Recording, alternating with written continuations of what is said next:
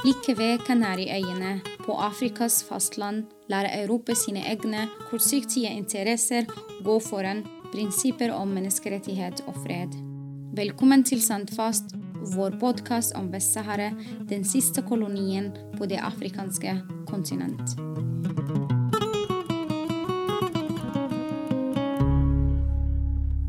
Dagens tema står meg selv ganske nært. Helt siden dag én har kvinner spilt en sentral rolle i det saharawiske folkets kamp for frihet. Tross sin rolle i motstandskampen, i livet, i eksil og i kampen mot menneskerettighetsbruddene, har veldig lite blitt skrevet om dette. Dagens gjest er forfatter til en nylig utgitt bok om temaet.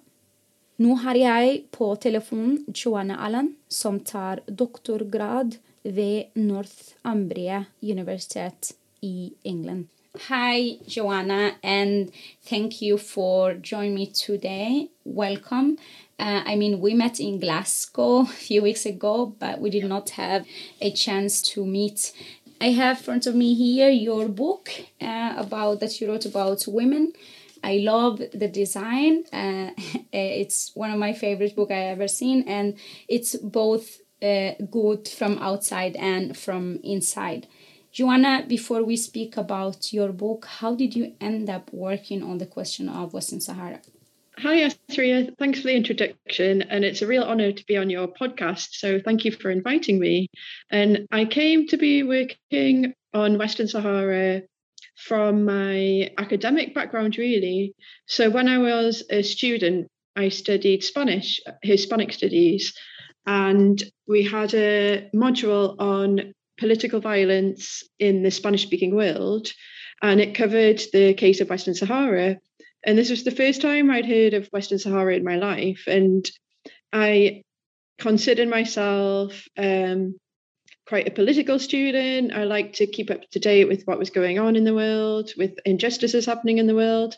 So I was really surprised that I'd never come across this conflict. Uh, and that made me interested to find out more. Um, and I had the chance to travel to the refugee camps in Algeria during the Easter holidays of my studies.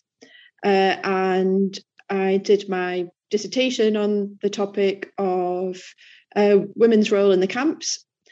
And when I was in the camps the first time, I wrote a blog about my experiences for a British NGO called War on Want, which focuses on the role of corporations in human rights abuses around the world. And through writing the blog, uh, I ended up being in touch with Western Sahara Campaign, uh, the UK um, group of solidarity activists with Western Sahara. Uh, that would have been in about 2006, I believe. So really, since then, I've I've been working on the issue of Western Sahara. Yeah, and why a book about women? And this question actually is in two parts. So the first one is why a topic, why a book about women, um, the title of your book is Silenced Resistance Women in Western Sahara and Equatorial Guinea. Why exactly these two countries? Yeah, so why a book about women first? My book is situated, I suppose, in resistance studies and non-violent resistance studies. And often women are absent from historical studies on resistance movements, or if not entirely absent, there's less attention paid to them than men, which in itself seems unfair. Um, and I'm a feminist. I'm always always interested in women's experiences of political events, and the Sahrawi case lends itself to a study of women's resistance because women are so prominent in the struggle in a very visible and public way. So that's why I decided to focus on women. And I picked Western Sahara and Equatorial Guinea, partly again because of my um, academic background in studying Spanish and Hispanic studies. Uh, so, as many of your listeners will know, Western Sahara was a Spanish colony. Uh, the other uh, colony that Spain had in Africa was Equatorial Guinea. And just as Western Sahara has received little attention from academics. Equatorial Guinea too, there's there's very little studies on on the case. And when you look at Equatorial Guinean women's experiences, there's there's even less attention paid to that. Uh, so partly because of their similar experience of Spanish colonialism, but also because when you look at public resistance movements, so Sahrawi resistance to Spanish colonialism first, and then Sahrawi resistance to the Mor- Moroccan occupation afterwards. If you look at Equatorial Guinea and the anti colonial resistance movements to Spanish colonialism and later to the Equatorial Guinean dictators after the Spanish had left, women are not very visible publicly uh, in resistance movements. It's almost the opposite of Western Sahara, really. So the contrast there um, interested me. Um, and of course, when you look into it, Equatorial Guinean women have been and still are very active in resistance movements. It's just that their roles are less visible, less public. But this point of comparison, this contrast, made the two cases good ones to to compare in in the book. And and it make again it makes sense and as you wrote in your book or when I read is even in other countries, if, for example in revolution Algeria and other places, there is very little written about women. Uh, they tend to get very little attention in the history uh, book. So speaking of history, let's go back in history. Something you talk about in your uh, introduction in your book about the Spanish colonialism and indigenous women resistance. Uh, you dedicate part of the, the book to talk about the Spanish Falange party women section. So, how female colonialists attempted to impose a Falangist model of womanhood on Sahrawi women and girls. And I hope I'm pronouncing this correct. Yeah, uh, so the Spanish Falange was the Spanish branch of fascism, I suppose. So when Spain was ruled by the dictator Francisco Franco, his fascist movement had its own women's section, which in Spain was supposed to inculcate Spanish women and the values of Spanish fascism. And they also exported this to the colonies. So, both in Equatorial Guinea, or Spanish Guinea as it was, and in Spanish Sahara, as he said, there was this women's section, this fascist women's section, which aimed to influence Sahrawi women and Equatorial Guinean women and really turn them into models of Spanish fascist womanhood. So they had schools and training centres uh, dedicated to this purpose. And what we see in Spanish Sahara, if we go and read the archives of this women's section, um, reading their letters and their documents and their class reports, you can read signs of resistance from Sahrawi women to this Spanish brand of fascism.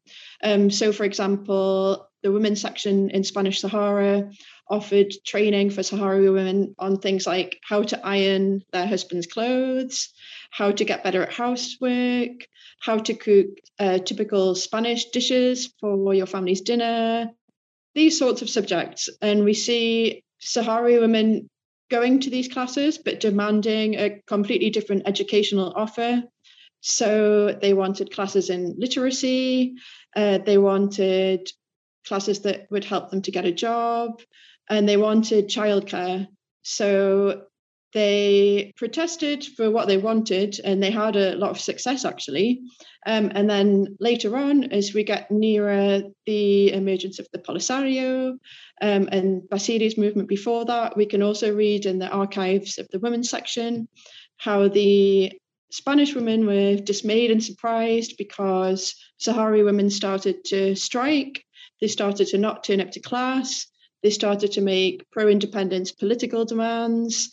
Uh, so you can see how Sahrawi women's resistance in this time was both feminist and nationalist and pro independence. Uh, so actually, these women's section archives are a really good resource for understanding what the Spanish were trying to do to Sahrawi women and also how Sahrawi women resisted um, and had a, a, lot of success in that actually. Yeah, they would never get me to do ironing or making food if I had attended these classes. But uh, just as you mentioned, Basiri movement, and that women actually had political opinions and they were pro independent, pro nationalist. Can you say a bit about that role? Because often it's again we are coming back to the same conclusion. There is not much uh, written about the role that sahrawi women played in the early years of the revolution. Well um, for my book i interviewed some sahrawi women mostly ones that are based in the camps nowadays who had gone to women's sections classes but they were also part of Basiri's movement and and Polisario later so they described um, cells basically. Uh, so there were women's cells, there were men's cells, there were mixed cells, uh, especially under the Polisario. So they commented that uh, with what happened to Basiri and his colleagues, the resistance activists learned that they had to be much more, they had to place much more importance on secrecy so, for example, one of the women who I interviewed said that she was a member of a Polisario cell. They used to meet on a particular day and they'd always meet on the beach.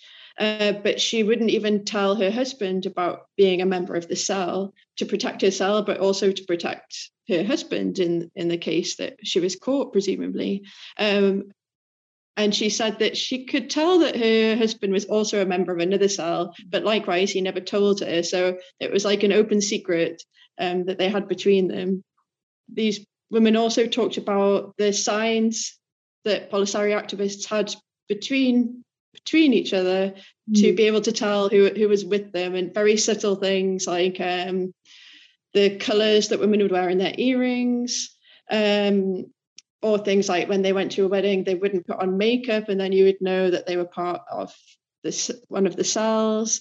Um, that men would wear the edge of the turban's frayed, and all these uh, small details uh, that you could use to read whether someone was politicized and, and pro independence or not, while still maintaining the secrecy rule to protect everyone's safety. So, yeah, uh, to go back to the original point, women were very much involved, uh, even at the earlier stages of the pro independence movements. Yeah, and as you said, women they were very much involved, and they kept being involved in every also from period to another. And we are living the the Spanish period and going to the uh, gender in the Sahrawi state in exile. And again, you dedicate a uh, part of your book speaking about the politics of gender in the Sahrawi state in in exile. What do you mean about that? Yeah, so I think one of many reasons why women were so involved was because of the pro gender equality demands of Polisario and also women's experience of sexism under the Spanish. Uh, so this made the pro gender equality demands all the more attractive. And looking at Polisario's archives from the 70s, early 80s, uh, you can see this uh, aim of gender equality and ensuring women's rights. So, by the politics of gender in the state of in exile, I wanted to look at uh, how the Sahrawi state is pursuing these aims of gender equality and the tensions and questions that emerge because obviously there's the pro independence struggle. Polisario, the Sahrawi state have so much uh, to tackle simultaneously, and there'll always be questions and tensions and different opinions on these issues. So, so that's what I was looking at exploring in this chapter. Uh, and I was also really interested in different Sahrawi feminisms, and so I put that in the plural for a reason. There's there's different types of Sahrawi feminisms. Um, they often overlap, but there's also tensions between them. So I wanted to look at this and, and explore that in, in this chapter of the book. Mm. And it's very interesting the the topic with feminism, as you said, with like the the S and unfortunately, like the women issue generally, there is very little written about it or even analyzed. Why, as you said, they are they, they can have similarity, but sometimes they crash another i mean i learned so much from your book joanna and i hope people really buy it because the first time I ever heard the term gender washing was when I read your book. Uh, can you explain it? Uh, because I'm just thinking maybe most people uh, the same as me they did not um, hear this used before and in the context of, of, of the book and then how uh, gender washing served to silence resistance in western sahara and by the way, you are among the very few people who travel to the occupied territories. Thanks, Asria. Yeah, I'll get to gender washing. Uh, but just to say first, thank you for complimenting my book. That means a lot, as uh, you're one of the points of reference in my book, especially in the chapter on the politics of gender and your work and your feminist activities as well as your human rights uh, and pro independence activism. It was really a point of reference, so I've learned a lot from you as well. So, gender washing, this concept, I suppose, emerged from the better known concept of greenwashing, uh, which is, for example, when you have a big corporation that uses a lot of plastic. Gender washing is uh, similar. Uh, so the concept, as far as I know, was first used by a scholar called Corinne Mason, and she was looking at uh, US policy in uh, the Middle East and Asia. Uh, and so I've sort of adapted this concept uh, to use with corporations as well as states. Um, and the idea is that you can have states or corporations that pr- promote themselves as feminist or as pro gender equality, but when you look at their actions, they actually undermine women's rights or undermine gender equality. So in the book, I use the Moroccan king mm. and corporations, states, and groups of states like the EU that directly or indirectly support the Moroccan king and the way he promotes himself as a sort of feminist king or a pro gender equality king.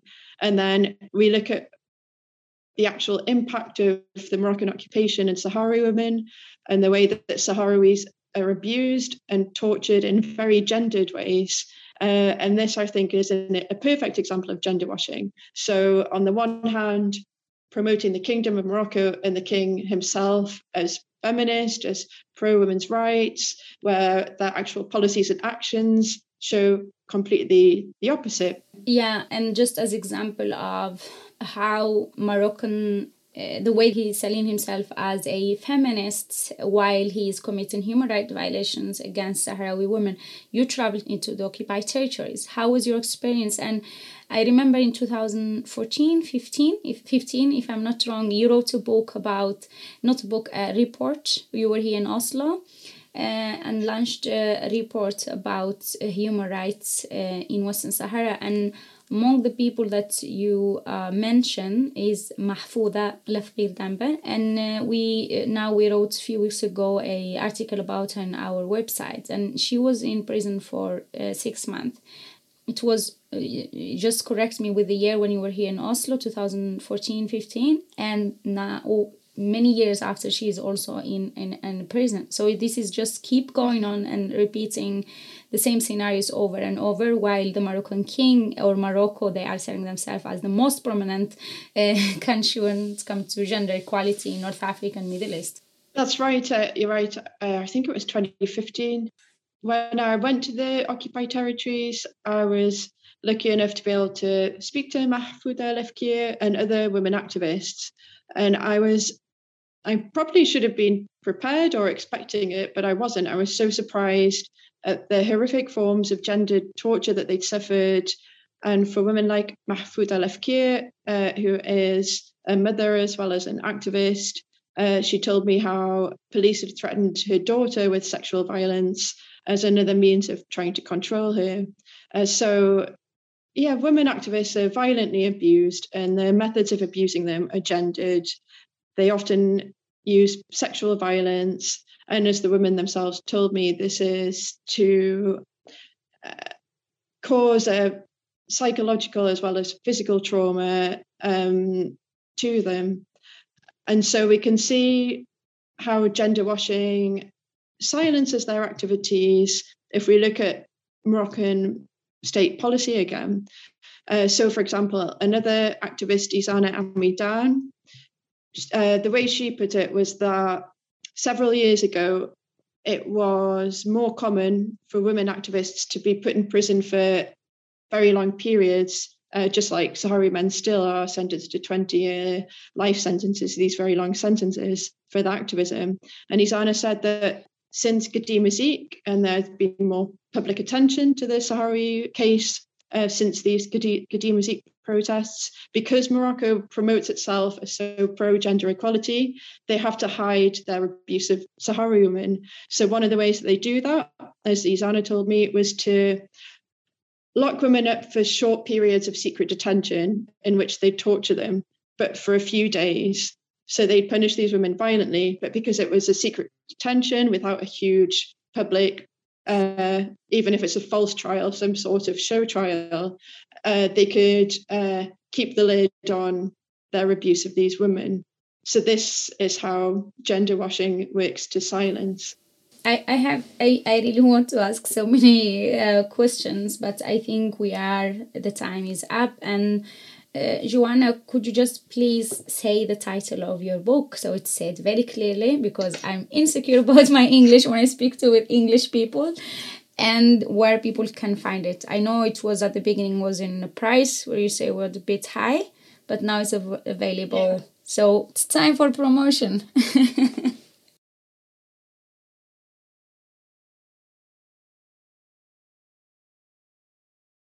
oh, Thank you, Asria. So it's called Silence Resistance Women, Dictatorships, and Gender Washing in Western Sahara and Equatorial Guinea.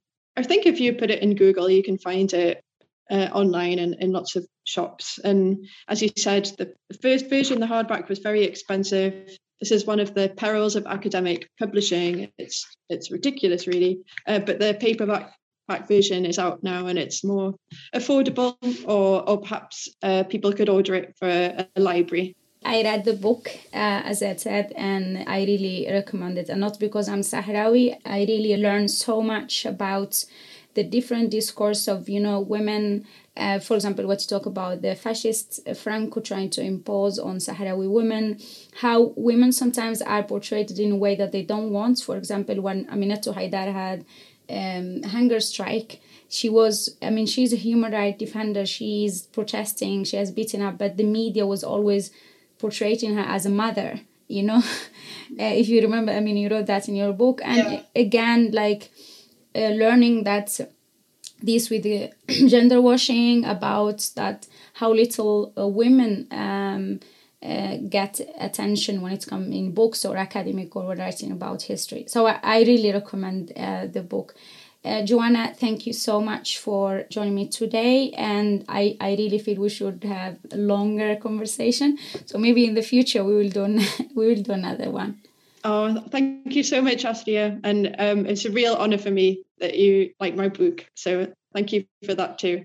Uh, and it's a delight to chat with you. Hvis du vil lære mer om konflikten, gå til vest-sahare.no.